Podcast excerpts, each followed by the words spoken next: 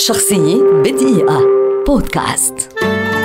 ستيفن كينج كاتب ومؤلف أمريكي عرف برواياته التي تندرج ضمن أدب الرعب ولد عام 1947 ويعد أحد أبرز الكتاب المعاصرين في العالم وهو حائز على ميدالية مؤسسة الكتاب القومية لإسهاماته البارزة في الأدب الأمريكي وقد تم بيع أكثر من 350 مليون نسخة من كتبه حول العالم.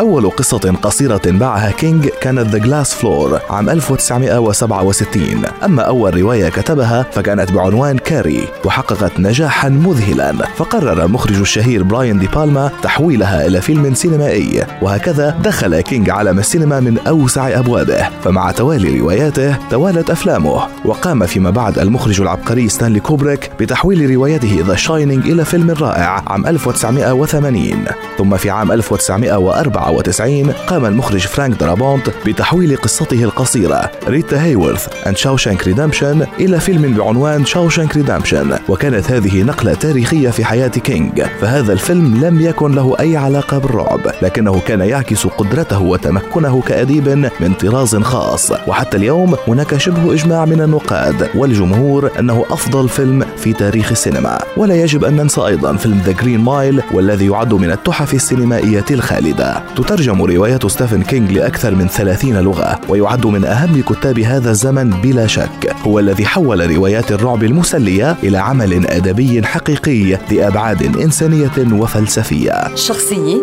بدقيقة. بودكاست.